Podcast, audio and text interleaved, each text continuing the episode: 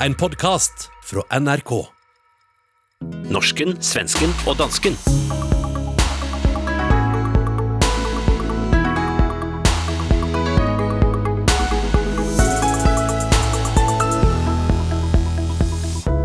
Det danske pikekoret er rystet av skandaler. I Norge raser debatten om kvinder og aldring videre. Palmemorderen blir utpekt i Netflix-serie. Er det ok at kunsten gør dig til drabsmann post mortem?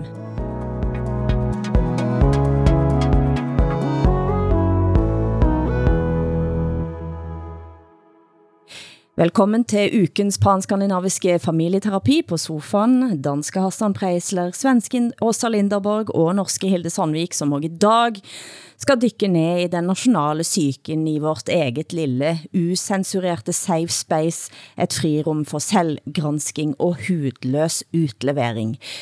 Åsa, stemmer ryktene jeg hører om at du frivillig har været to timer ute i norsk natur? Ja, det är klokt. Eh, Jag var på litteraturfestivalen i Tromsø. Har aldrig varit i Tromsø förut. Jag fick nästan en eh, religiös upplevelse. Det var så vackert där. Eh, med fjorden och hurtigruttbåtarna och fjällen och snön. Och det var makalöst. Jag var faktiskt utomhus i nästan två timmar. Fast under de två timmarna satt jag visserligen på ett café då i kanske 45 minuter. Men eh, visst var jag utomhus. Ja. Helt frivillig. Helt frivilligt. Hassan, hvad skal vi sige til det? Jamen altså, jeg, jeg er lidt i chok. Jeg, jeg bliver jo selvfølgelig bange for, om Åsa nu bliver sådan en, der godt kan lide naturen, fordi det vil efterlade mig meget øh, ensom og alene som naturhader. Jag tycker om Tromsø. Hassan, jag tycker fortfarande inte om naturen. Nej. Men har du haft nogle religiøse oplevelser eh, siden sidst, eh, Hassan? Øh, nej, det har jeg ikke. Altså, øh, jeg, jeg har skåret lidt af mine fingre af med en kniv for et øjeblik siden. Og nu ligger der et stykke Hassan i kloakken øh, et sted, fordi det blev skyllet ud. Men det er jo ikke en religiøs oplevelse. Men Åsa, du var på Bokforum i København for to helger siden, sammen med over 30 000 andre læsehester. Og nå viser det sig, at en række kendte forfattere er blitt smittet der. Er du egentlig frisk? Ja, men så jag är inte tillräckligt känd författare för att bli smittad, tror jag. Jag tror att man blir smittad utifrån sin storhet. Eh, och jag är toppfrisk, är jag. In, ingen, ingen smitta alls. T- TV2 Lorry meldte at var blandt andet Jussi Adler Olsen og Maren Uthaug er blitt smittet. Skuespiller Sebastian Klein er på VIP-listen over deltagere som har fått corona på Bokforum. Du er sikker på at det ikke er du som er den kulturelitens superspreder da også? Ja, Jag kommer ju från Sverige i och för sig. Ja, nej, det är inte jag. Jag lovar. Det ville jo være virkelig interessant, hvis øh, Åsa var, var den litterære patient zero. Ikke? Sprid nu inga sådana rykten i, Norden här. Nej, nej, nej. Nej, nej, jag kommer aldrig få det där corona. For du var jo i Tromsø, eh, og du skulle forrige helg ha været på Norske Journalistforbundets årsmøte i Trondheim, men dit kom du aldrig. Nej, fan, det här skulle jag vilja prata om faktiskt. Alltså, eh, journalisterna har alltså, norska journalister har planerat sitt årsmöte i två års tid. Jag var inbjuden för att prata om metoo-journalistik. Bara några timmar innan det här, den här stora konferensen ska öppnas så, så ställs den in. Och det är alltså inte Journalistförbundet själva som har fattat det beslutet utan det är två stora mediehus, jag vet inte vilka, som inte vill släppa iväg sina reportrar.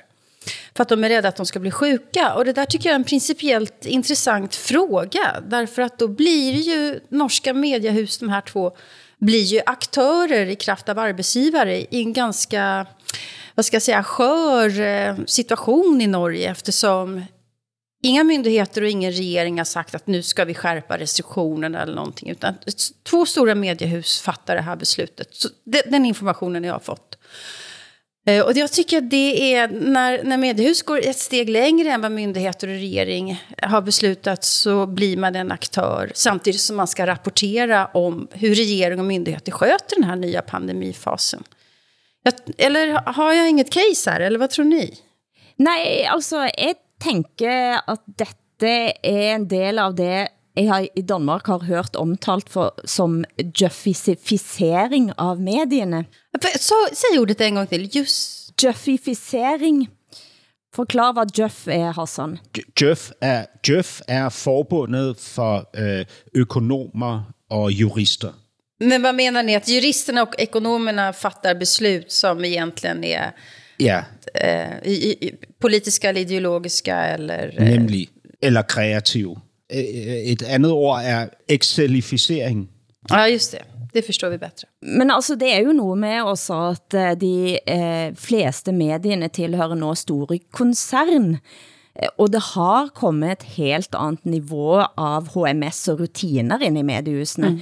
Jeg kan sige, at jeg er selv nestleder i et stort, i styre i et stort norsk eh, mediekoncern, og jeg vet, hvordan det ville ha blitt taklet der, hvis mediehusene sendte sine folk til en coronasamling. Mm.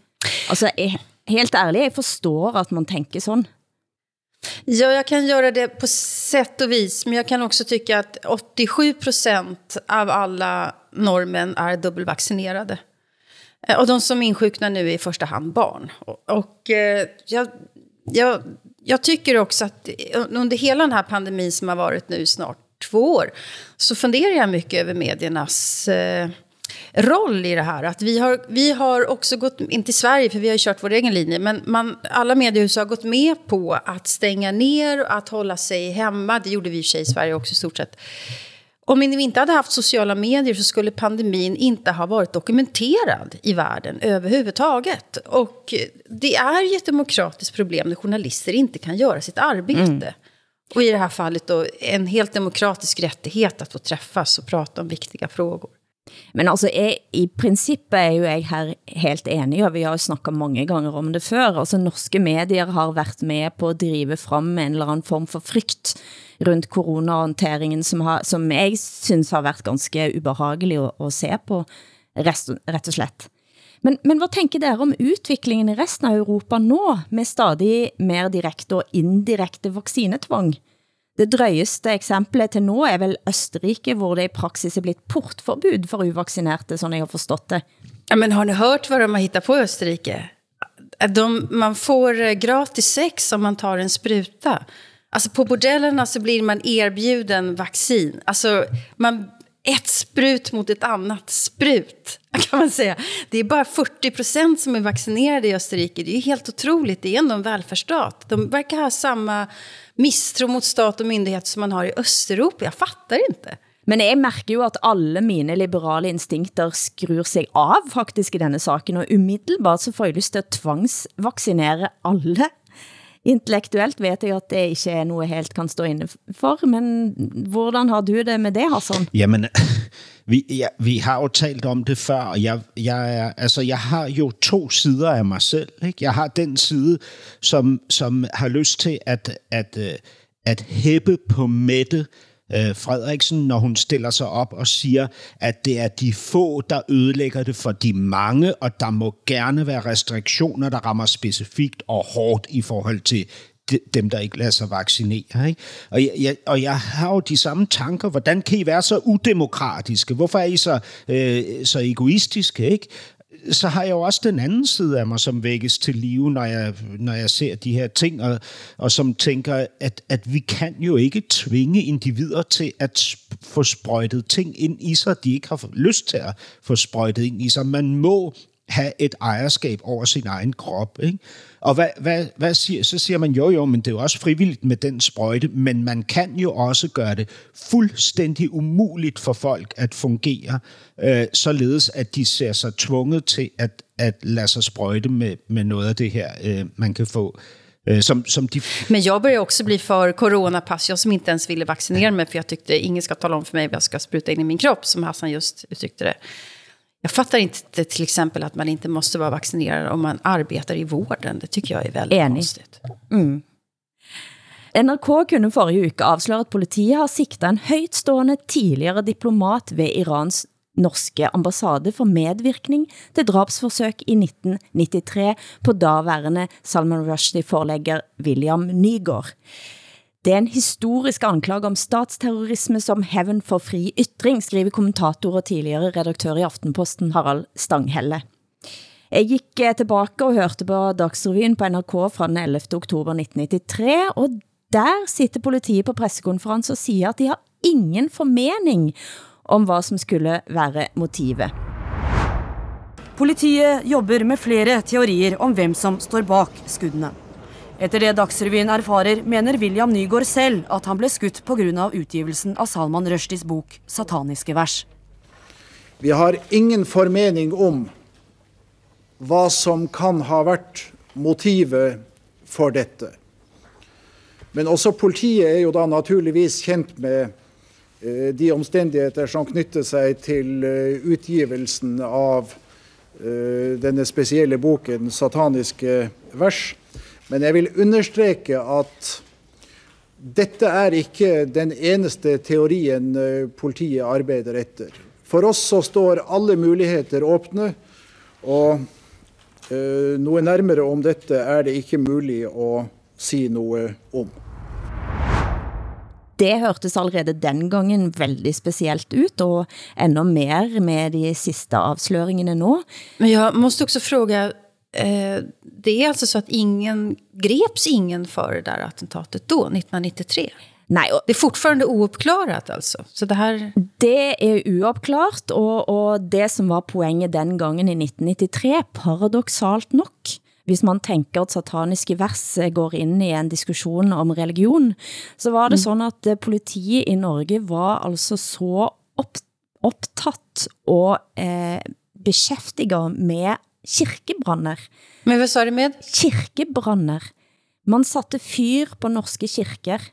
Ja, just det. Det var då det brände såna här norska stavkyrkor, ja. Såna här... Uh... Ikke bare stavkirker, men også andre kirker. Ah, okay. 20 kirker blev det satt i brand eh, det året. Just. Eh, og det var disse berømmelige satanistene som stod bak, og det var man altså så, man havde så fulle hænder, hænder med det, at attentatet mot William Nygaard blev i manges øjne veldig stemoderligt behandlet. Saken blev genoptaget i 2009, og i 12 år så har man altså nå jobbet ihærdig med denne saken, fordi det også kom nye oplysninger. Det er jo mange som mener at nå er det på tide at det blir tatt skikkelig. Oh, Jeg antar at Iran ikke har sagt någonting. Den iranske ambassaden har selvfølgelig sagt at dette har de ingenting med.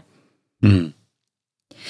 Men hørte man politiet i Norge, så var det til synlaten helt utænkelig for dem, at attentatet hadde forgreininger til international storpolitik.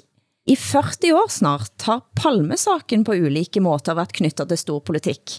Og nu er Netflix sin filmatisering av Palmemordet ute.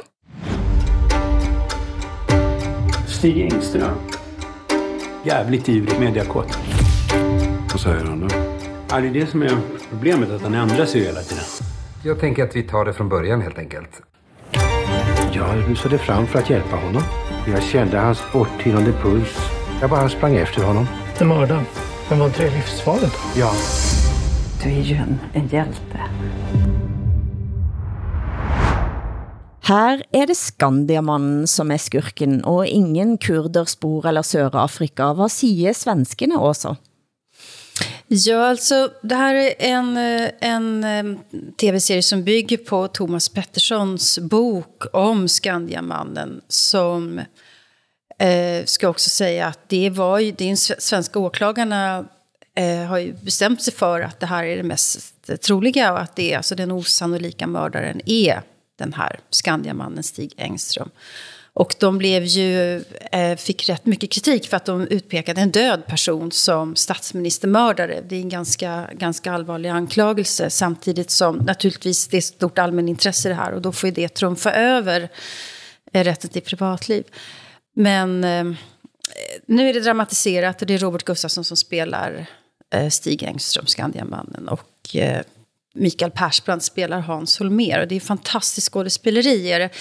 Jag det där och jag känner mig lite smutsig samtidigt. För att eh, det är rätt grova anklagelser och samtidigt tycker jag, och framförallt, man pekar ju ut personer som fortfarande lever. Alltså hans mm. ex-hustru lever fortfarande och hon blir anklagad i den här tv-serien att hon egentligen känd, förstod att hennes man var, palm, eller var inblandad på något sätt och hon agerade inte och sådär. Mm.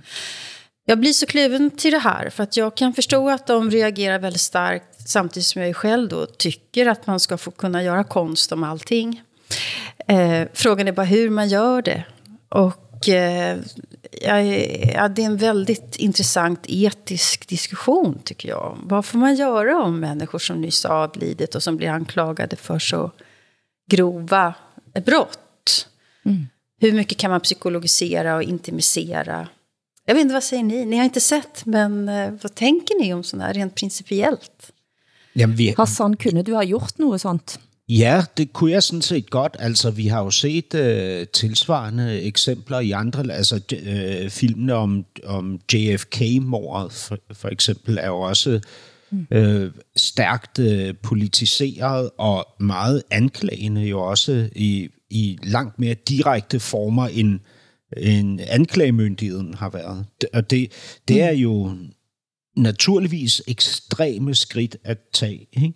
Øhm, og samtidig så ved jeg, at jeg selv kunne finde på det. Altså hvis jeg gik mm. ud af et spor og vurderede, at der var en form for uopdaget sandhed, eller, eller, øh, eller en, en, hvad kan man sige, et højt niveau af, af troværdighed, som jeg, jeg vil finde, ikke? så vil jeg, mm. øh, så vil jeg kunne gøre det. Det vil jeg.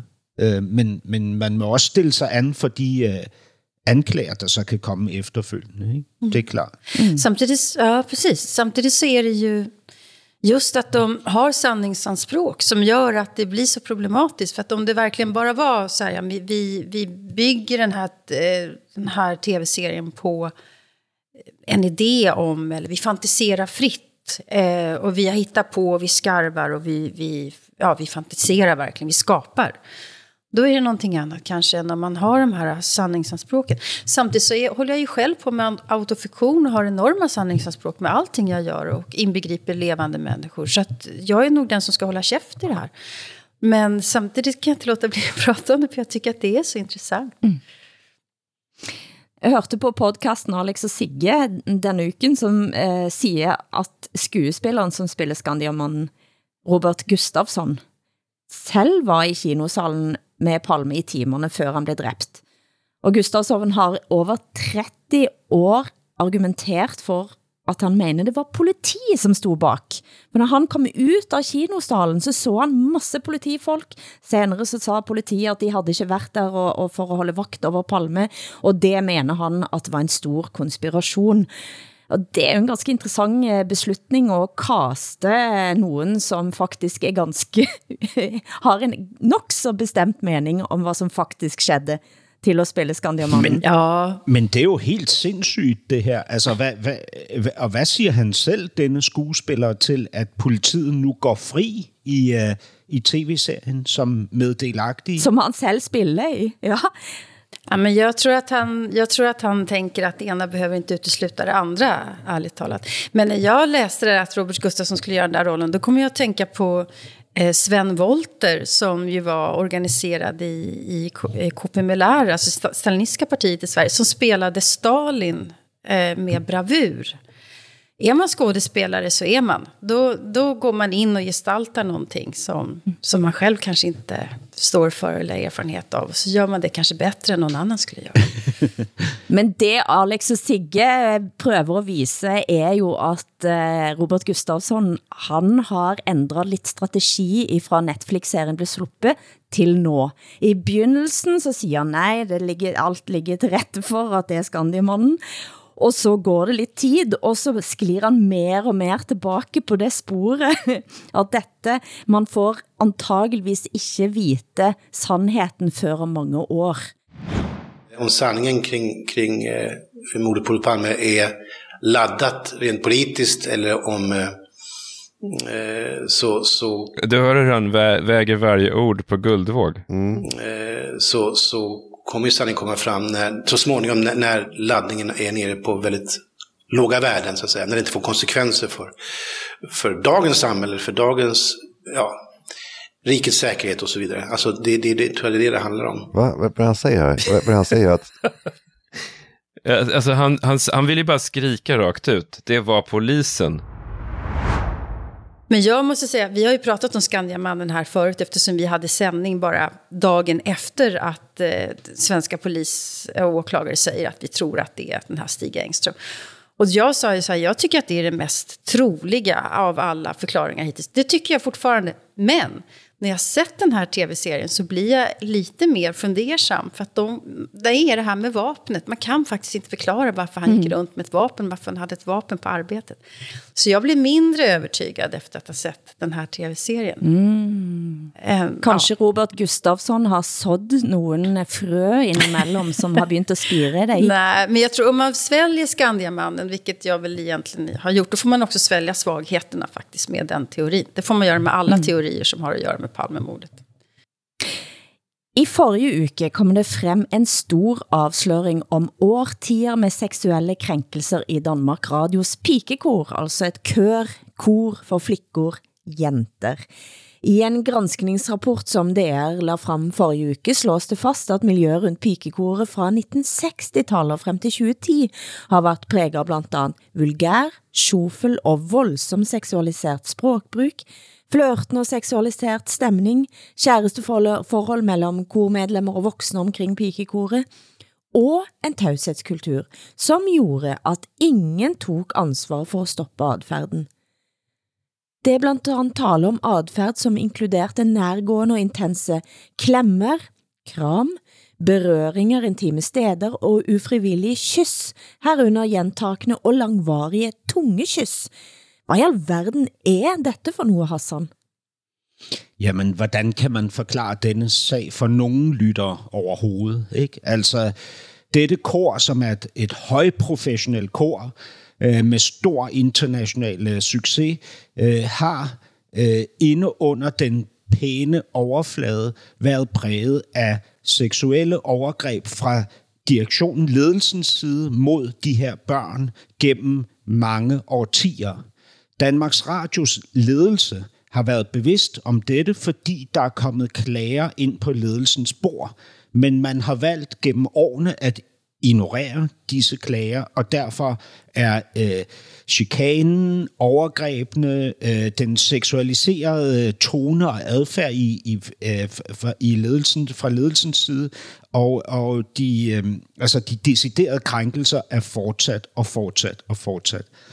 Og det er kommet frem nu, altså øh, på en gang, uden at vi har vidst, at, at det forholdt sig sådan, og det er jo, øh, ja, hvordan kan man forklare sådan noget? Altså, jeg kan ikke forklare det for svenske og norske lytter, men jeg kan ikke forklare det for nogen lytter, fordi det er jo så grotesk, som det overhovedet kan være. Ikke? Mm. Øhm, ja. Men alltså, de, här, eh, de här flickorna som då har blivit sexuellt trakasserade i den här kören i Danmarks Radio. Har de eh, berättat för någon? Eh, har de berättat för sina föräldrar? Har föräldrarna klagat hos Dansk Radio? Eller har de burit det här ensamma, alla barn? Eller hur har det här gått till? Eh, Danmarks Radio har for nylig indledt en advokatundersøgelse på baggrund af specifikke klager. Og ud fra den advokatundersøgelse kan de nu konkludere, at der har været hundredvis af sager, Åh, altså af, af situationer, ikke? Mm. Øh, som er anmeldt af dusinvis af piger øh, i forskellige aldre fra forskellige årtier. Øh, alle disse overgreb øh, øh, og, og, og, og krænkelser og så videre er foregået frem til år 2010. Der er ikke nogen øh, anklager om øh, om overgreb efter 2010. Mm. Ja. Så de er foregået under de tidligere korchefers ledelse. Altså, i rapporten rettes det anklager mot i alt seks personer, som har haft en overordnet position i DR. Det navngives ikke, men ingen ansat i DR i dag. En nåværende medarbejder er hjemsendt, men vedkommende har ikke arbejdet med relation til pikekor i nyere tid, skriver DR i en nyhetssak. Det slås også fast, at klagehåndteringen til DR har været kritikværdig. Altså for mig peger det jo igen tilbage på Danmarks Radio som den her selvtilfredse mastodont, som ignorerer alt, hvad der foregår i eget hus, fordi institutionen skal beskyttes frem for alt. Ikke? Det vil sige, de individer, der kommer i klemme under Danmarks Radios, øh, hvad kan man sige, storhedsvandvid, de, øh, de må ofres, fordi denne her enhed, som det her mediehus er, skal øh, hvad hedder det, ophøjes, beskyttes og, og, og, mm. og overleve ikke ud i fremtiden. Øh, og det er, det er en uhyggelig ting i Danmarks Radio for mit vedkommende. DR's generaldirektør Maria Rørby Rønn kaldte det et mørkt kapitel og kom med uforbeholden beklagelse på en pressekonference her forrige uke, der hun blandt andet kaldte det for en massiv ledelsesvigt. Og hvordan har den beklagelsen blitt tatt imod, Hassan? Jamen, der er mange af de her øh, kor, øh, tidligere medlemmer af koret, som er glade og taknemmelige for den her utvetydige undskyldning. Altså Danmarks Radio påtager sig jo det fulde ansvar øh, for, for det, der er foregået. Maria Rørby Røn, som er generaldirektør i Danmarks Radio nu, var dengang under de sidste øh, 10 år under den sidste 10-årige periode, hvor til de her anklager hører, var hun chef for det, der hedder DR Jura, altså Danmarks Radios juridiske afdeling. Mm. Jeg undrer mig over, at hun ikke er blevet spurgt, om hun nogensinde har stødt på de her øh, anklager under, undervejs i forløbet. Mm.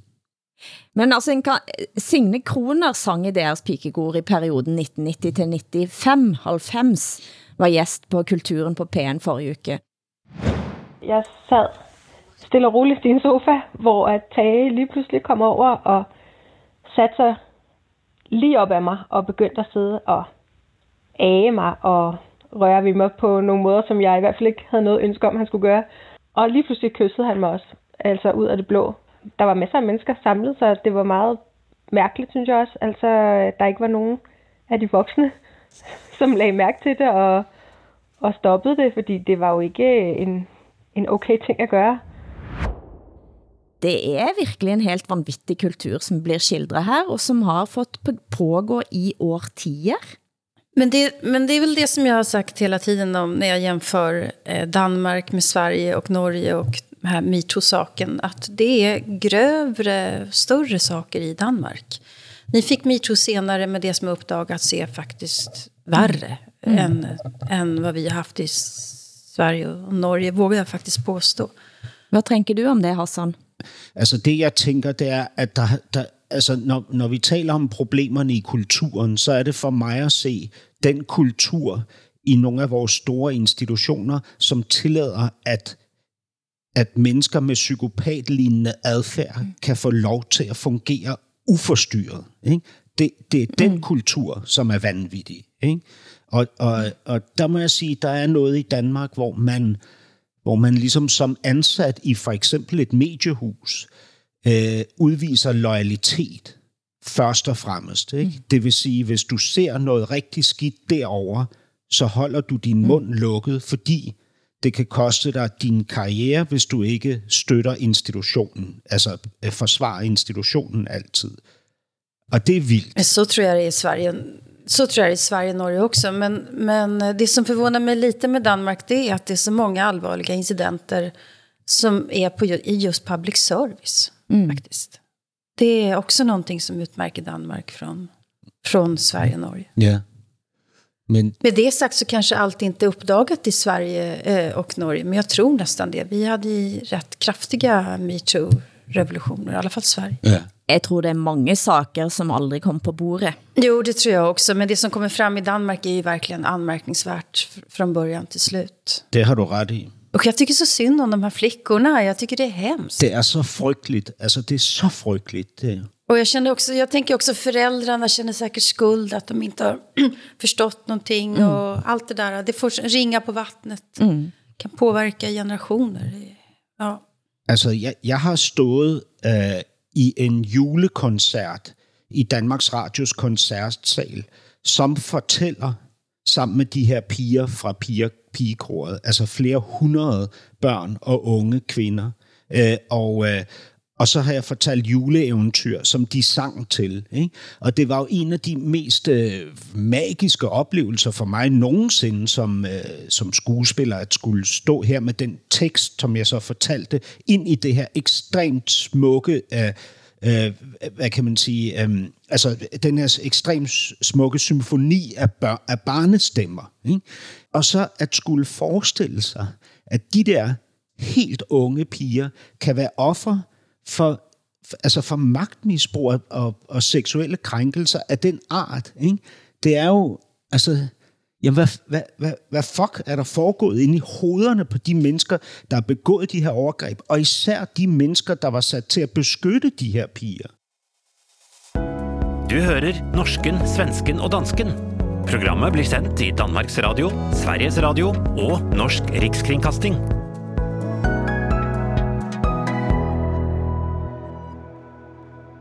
Da vi snakker om kvinder som aldres i offentligheden forrige uke, så hadde jeg helt fortrængt, at det allerede har rast en betent strid her i Norge, efter at de to kjendispsykologene Frode Thuen og Peder Kjøs gav råd i Aftenposten til single dame på 49 år om at hun burde indfinde sig med, at markedsværdien hennes nu var lavere, siden hun havde passeret 40, og at derfor måtte hun sænke sine egne forventninger.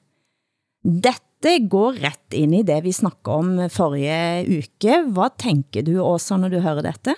Men jag blir helt rasande när jag hör det där. Och jag, eh, jag måste säga att jag förstår att jag har vänt upp och ner på Norge med den här artikeln som jag skrev om åldrandet.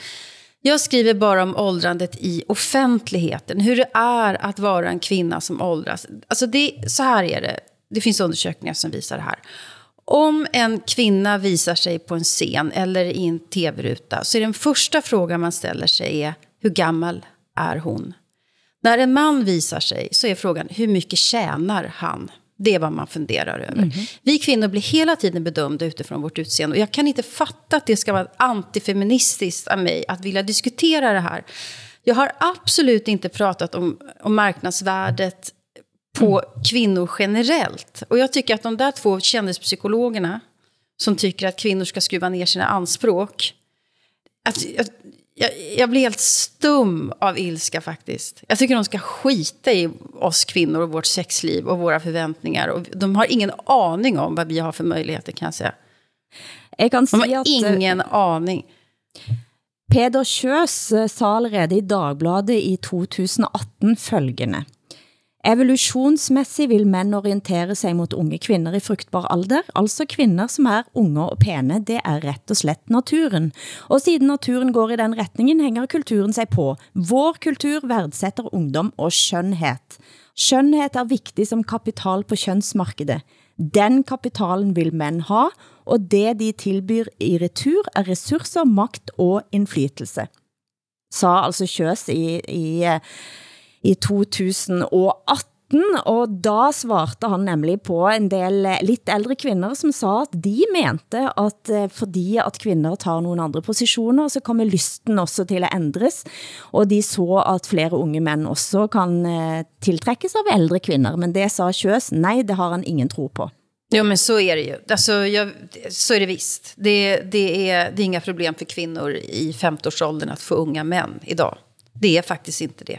Vi har, en, vi har både män och kvinnor har en mycket friare syn på vem man kan ligga med och vem man kan vara med och så där. Så det, det, det har varit liksom sprängt, normerna håller på att sprängas här. Det är ganska viktigt. Men jag vill liksom inte bli indragen i de där två jönsarnas idéer här. För att jag har pratat om hur det åldras i offentligheten.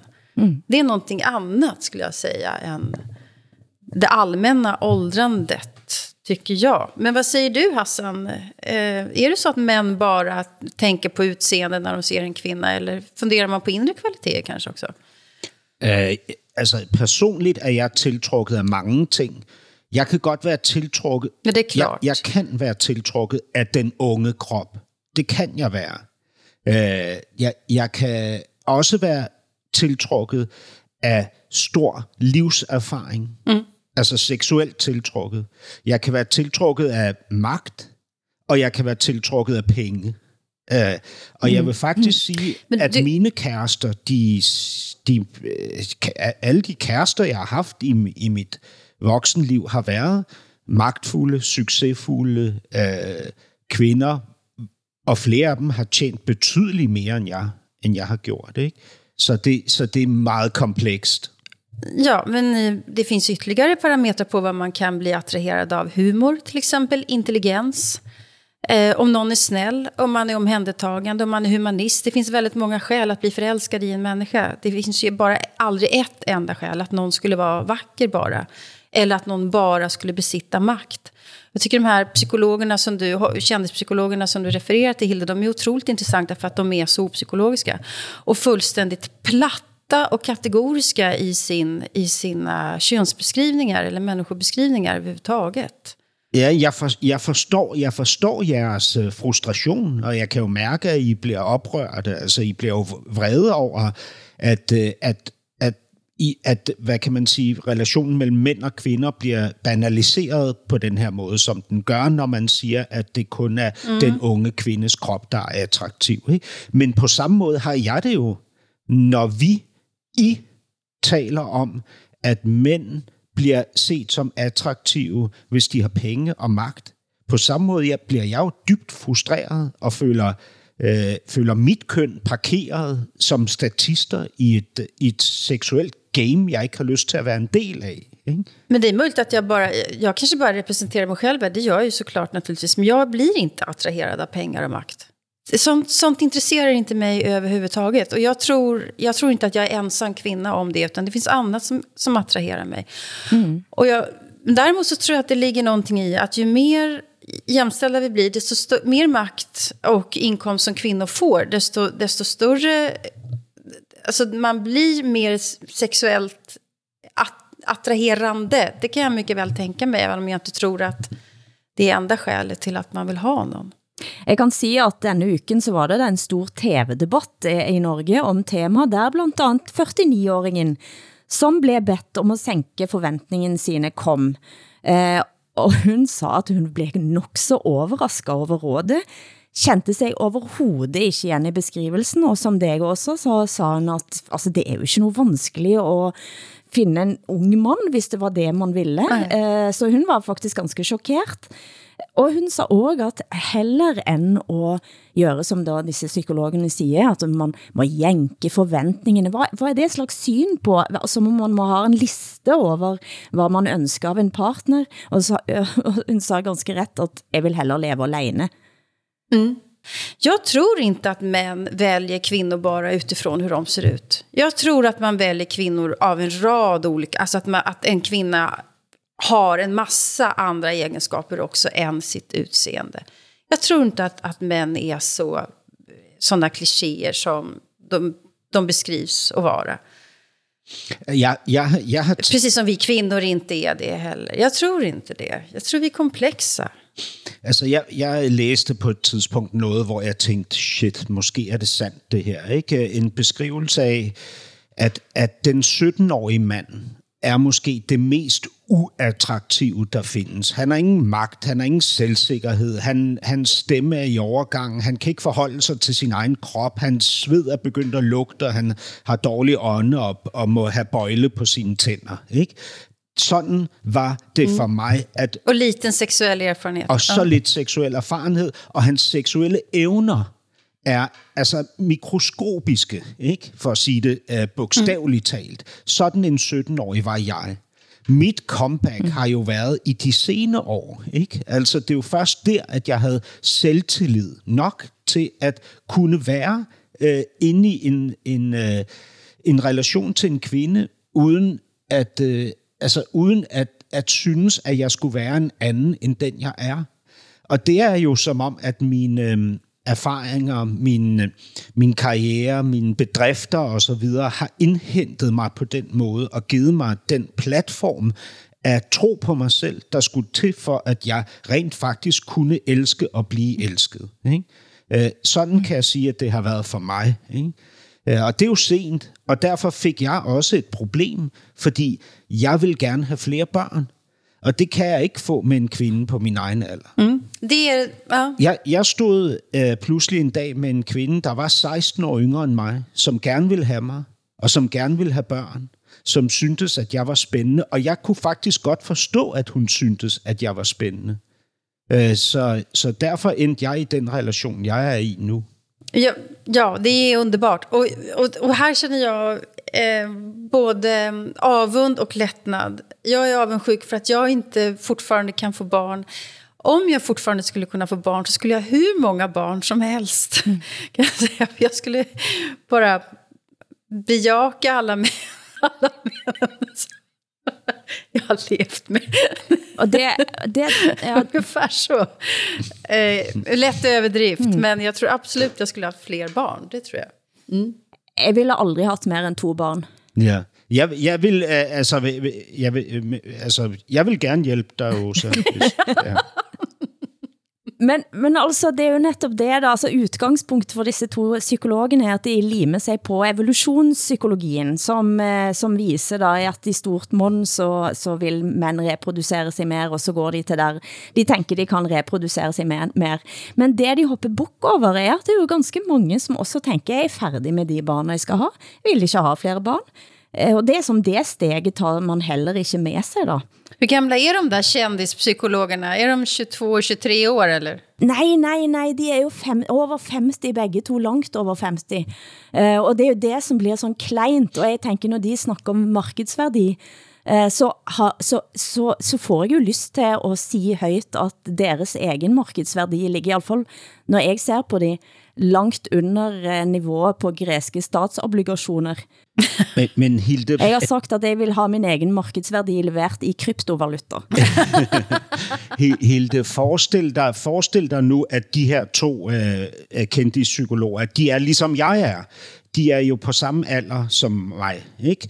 Så det vil sige, at deres øh, liv startede med, at de var 17-årige drenge øh, mm. med et meget reduceret selvværd. Nu er de nået frem til det tidspunkt i livet, hvor de skal høste ikke? De skal høste deres, øh, øh, hvad hedder det, frugten af deres øh, lange karriere, deres mange erfaringer, og så har verden pludselig forandret sig. Ikke? Det er jo også uretfærdigt. Men Hassan, det som jeg tænkte på, når du sa det du sa, så kunne jeg sagt nøjagtigt det samme ord for ord. Det er jo ingen forskel. Ja. Men, jeg må...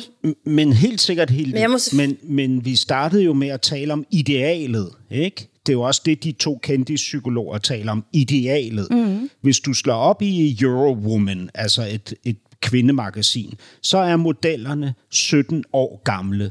Ikke? De er unge, og de er smukke. Hvis du slår op i Euroman, et mandemagasin, så er mange af modellerne gråhårede, men de har altid meget dyrt på, tøj på, et stort ur og en kæmpe stor bil. Ikke? Og der ser man jo forskellen i idealet. Ikke? Den 17-årige dreng vil ingen have. Den 17-årige pige vil alle have i idealet. Nej, det er rigtigt. Og det, det er jeg jo helt med på. Men samtidig så sker der også noget nyt der.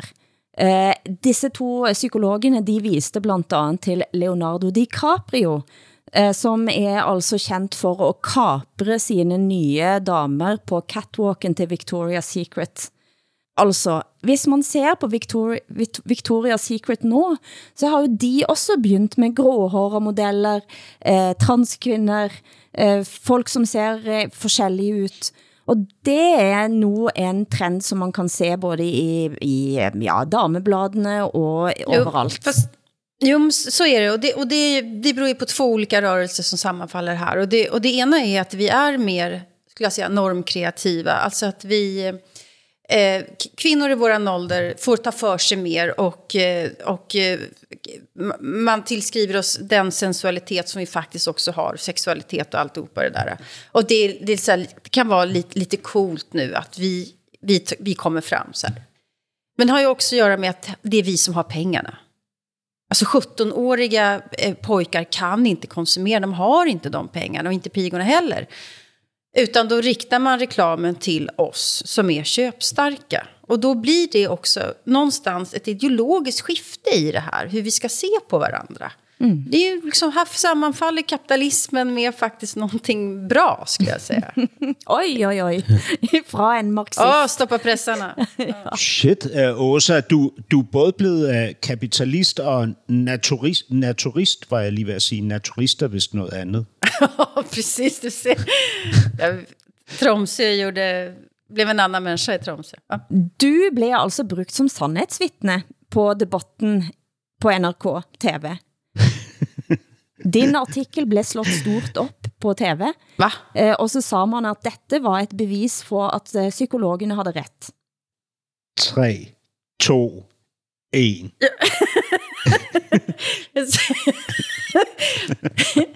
Men jag säger, jag vill inte ha med de där två, två människorna att göra. Jag var inbjuden att vara med i det där programmet och jag tackade nej eftersom jag inte vill synas i tv. Det har jag ju sagt, helt enkelt. Och de kunde inte förstå, de fattade inte att jag, att jag menar allvar med min text.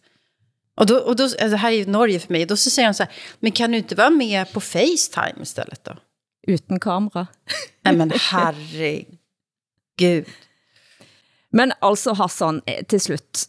Det har jo været eh, valg siden sist. Altså, ja, og jeg har jo sagt til jer, at, øh, at kommunalvalg eller lokalvalg er det kedeligste, der findes i hele verden. Men jeg, jeg må æde mine ord, fordi det har jo været voldsomt dramatisk med det her kommunalvalg i Danmark. Altså, Socialdemokratiet har fået det, som flere medier kalder en gedin vælger losing. En losing, det er sådan en flad hånd på kinden, ikke? Øh, og, øh, og, og så er øh, Frederiksberg Kommune, som er den her lille eksklusive kommune i, øh, i København, den, er, den har de konservative tabt til Socialdemokratiet, og det er meget, meget markant. Ikke?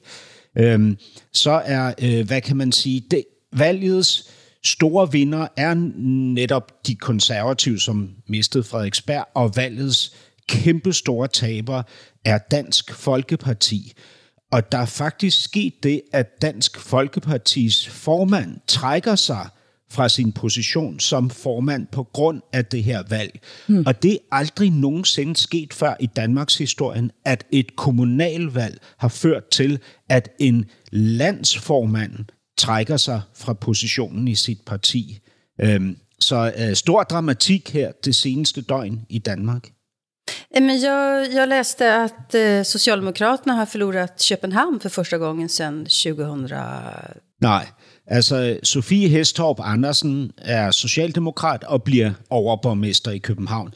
Men de er gået meget tilbage i København, og det største parti i København er nu enhedslisten, altså det, det yderste øh, venstre parti, vi har. Ikke? Mm, det... Er det største parti i København nu.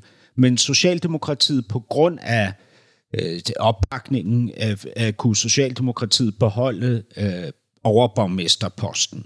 Kan du, kan du förklara för svenska lyssnare vad en överborgmästare är? Yeah. För att Mette Fredriksen förklarade valnederlaget med att, att Socialdemokraterna förlorar, eller man har bytt ut så många borgmästare i landet. Vi, vi, som svensk förstår man ju ingenting. Øh, jamen, vi har jo i landets 98 kommuner har vi en, øhm, altså en, bestyr, en kommunal bestyrelse, og den kommunal bestyrelse vælger en borgmester. Det gør man jo så ud fra, hvor mange mm-hmm.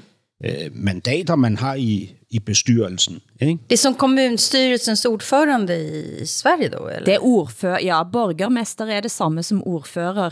Ja, det hedder... Okej, okay, det lät som en självständig figur, lite, bo, lite över parlamentariska frågor. Och jag blev så förvirrad vad det där var för någonting. Men då förstår jag. Okej. Okay. Jamen prøv at høre. I, altså, I landets 97 kommuner, 9-7 kommuner, der har vi en borgmester. I København mm. har man en overborgmester, fordi der er flere borgmestre i København.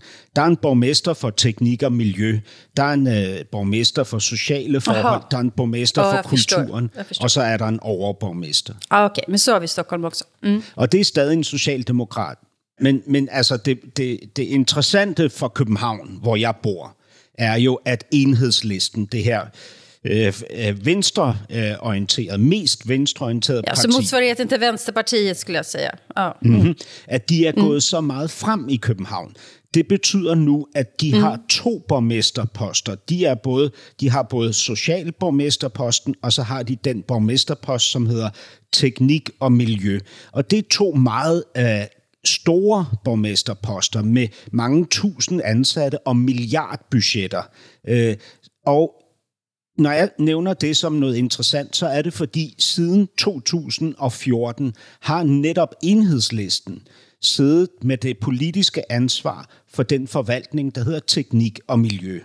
Og den her forvaltning har været ramt af den ene skandale efter den anden, fordi der simpelthen ikke har været decideret ordentlig ledelse af forvaltningen.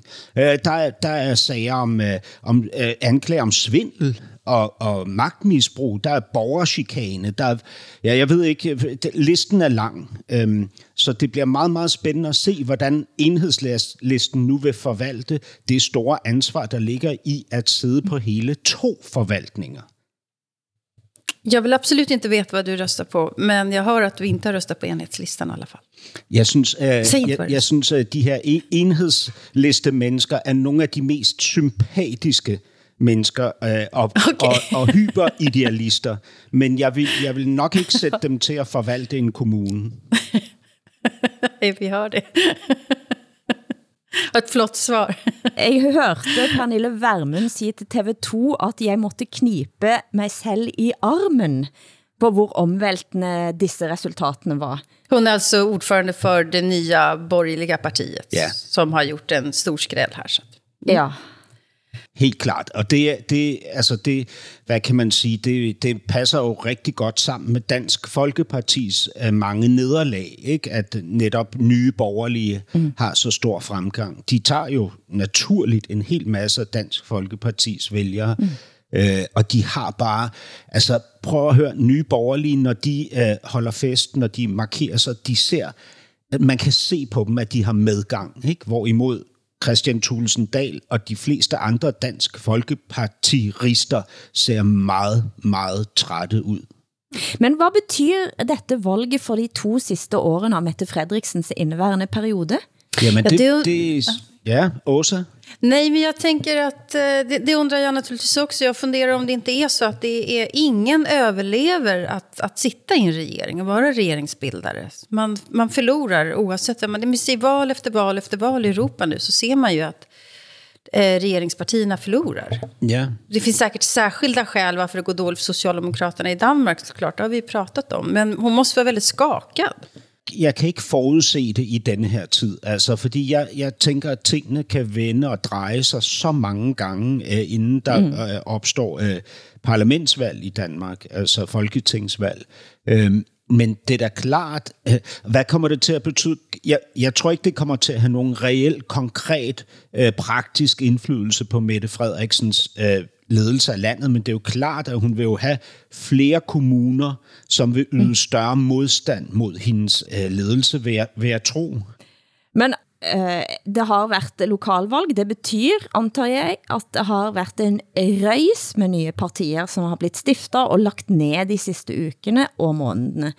Og jeg så blandt andet et interview med lederen av Hagenissepartiet på BT sine netsider. Hannibal Hildorf, velkommen til dig. Af hjertet, tusind tak, Sanne. Du stiller op for Havenissepartiet til kommunalvalget på Frederiksberg. Fuldstændig korrekt, som vi alle sammen i hjertet har kær. Det er Havenissepartiet, der stiller op her med i form af et visionsprogram. Tænker du, at folk tager, tager navnet Havenissepartiet seriøst? Altså, Jeg oplever lige præcis det, du siger der, Sande. Det Mhm. her med, at mange reagerer på mit partinavn, Havenissepartiet. Og, og, og der er mange, der stiller det samme spørgsmål også ud på gader og stræder, når jeg sådan render rundt på Frederiksberg her og går i dialog med vælgerne, når jeg er et enmandsparti. Og der svarer jeg også hver gang.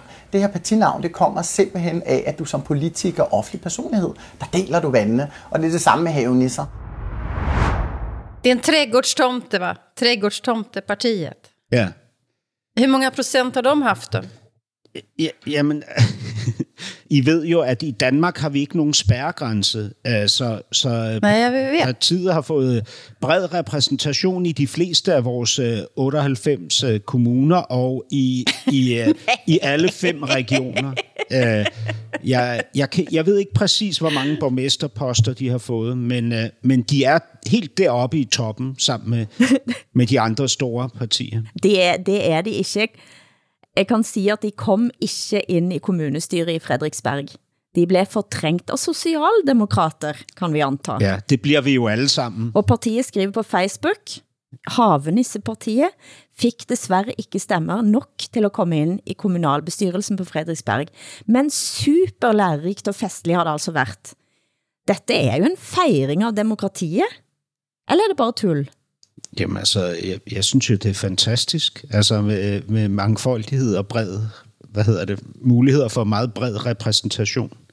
Men det er også lidt fjollet, ikke? Det er også lidt tul. Tu- Tull? Tul. Tull? Ja. Hvilket parti ville du have dannet, hvis du skal have lagt et parti nu? Det ved jeg sgu ikke. Jeg, jeg skal ikke være politiker, som vi har talt om før. Jeg har for mange lige i lasten. Hvis man roder i min fortid, så kan man grave hvad som helst frem. Jeg har snydt og bedraget og løjet og stjålet, og alt hvad I ellers kan finde på. Så jeg skal ikke være politiker. Jeg skulle ändå rösta på dig, tror jeg. Er det rigtigt? Mm. Der må du flytte til Danmark først, og det er veldig vanskeligt at komme ind i Danmark også. Just det, jag är känd som superspridare nu, så jag kommer aldrig komma in i Danmark. Patient zero. Vil du lage et parti også? Nej, gud, nej. Jag har redan varit med i ett parti en gång. Nej. Du har jo lavet en form for parti her, Hilde. Ikke? Du er jo partileder for vor, vores parti. Ja. Overborgermester. Just det, det er du, ja. Og Åsa er social, socialborgmester. Det bliver sidste ord for Norsken, Svensken og Dansken denne uken. Producent har været Henrik Hylland Ulving. Tak til Hassan Preisler i København og Åsa Linderborg i Stockholm. Jeg heter Hilde Sandvik for anledning i Oslo. Og programmet er produceret af Broen XYZ for NRK, SR og DR, der redaktør for programmet er Ole Jan Larsen. Og vi høres igen om en uke.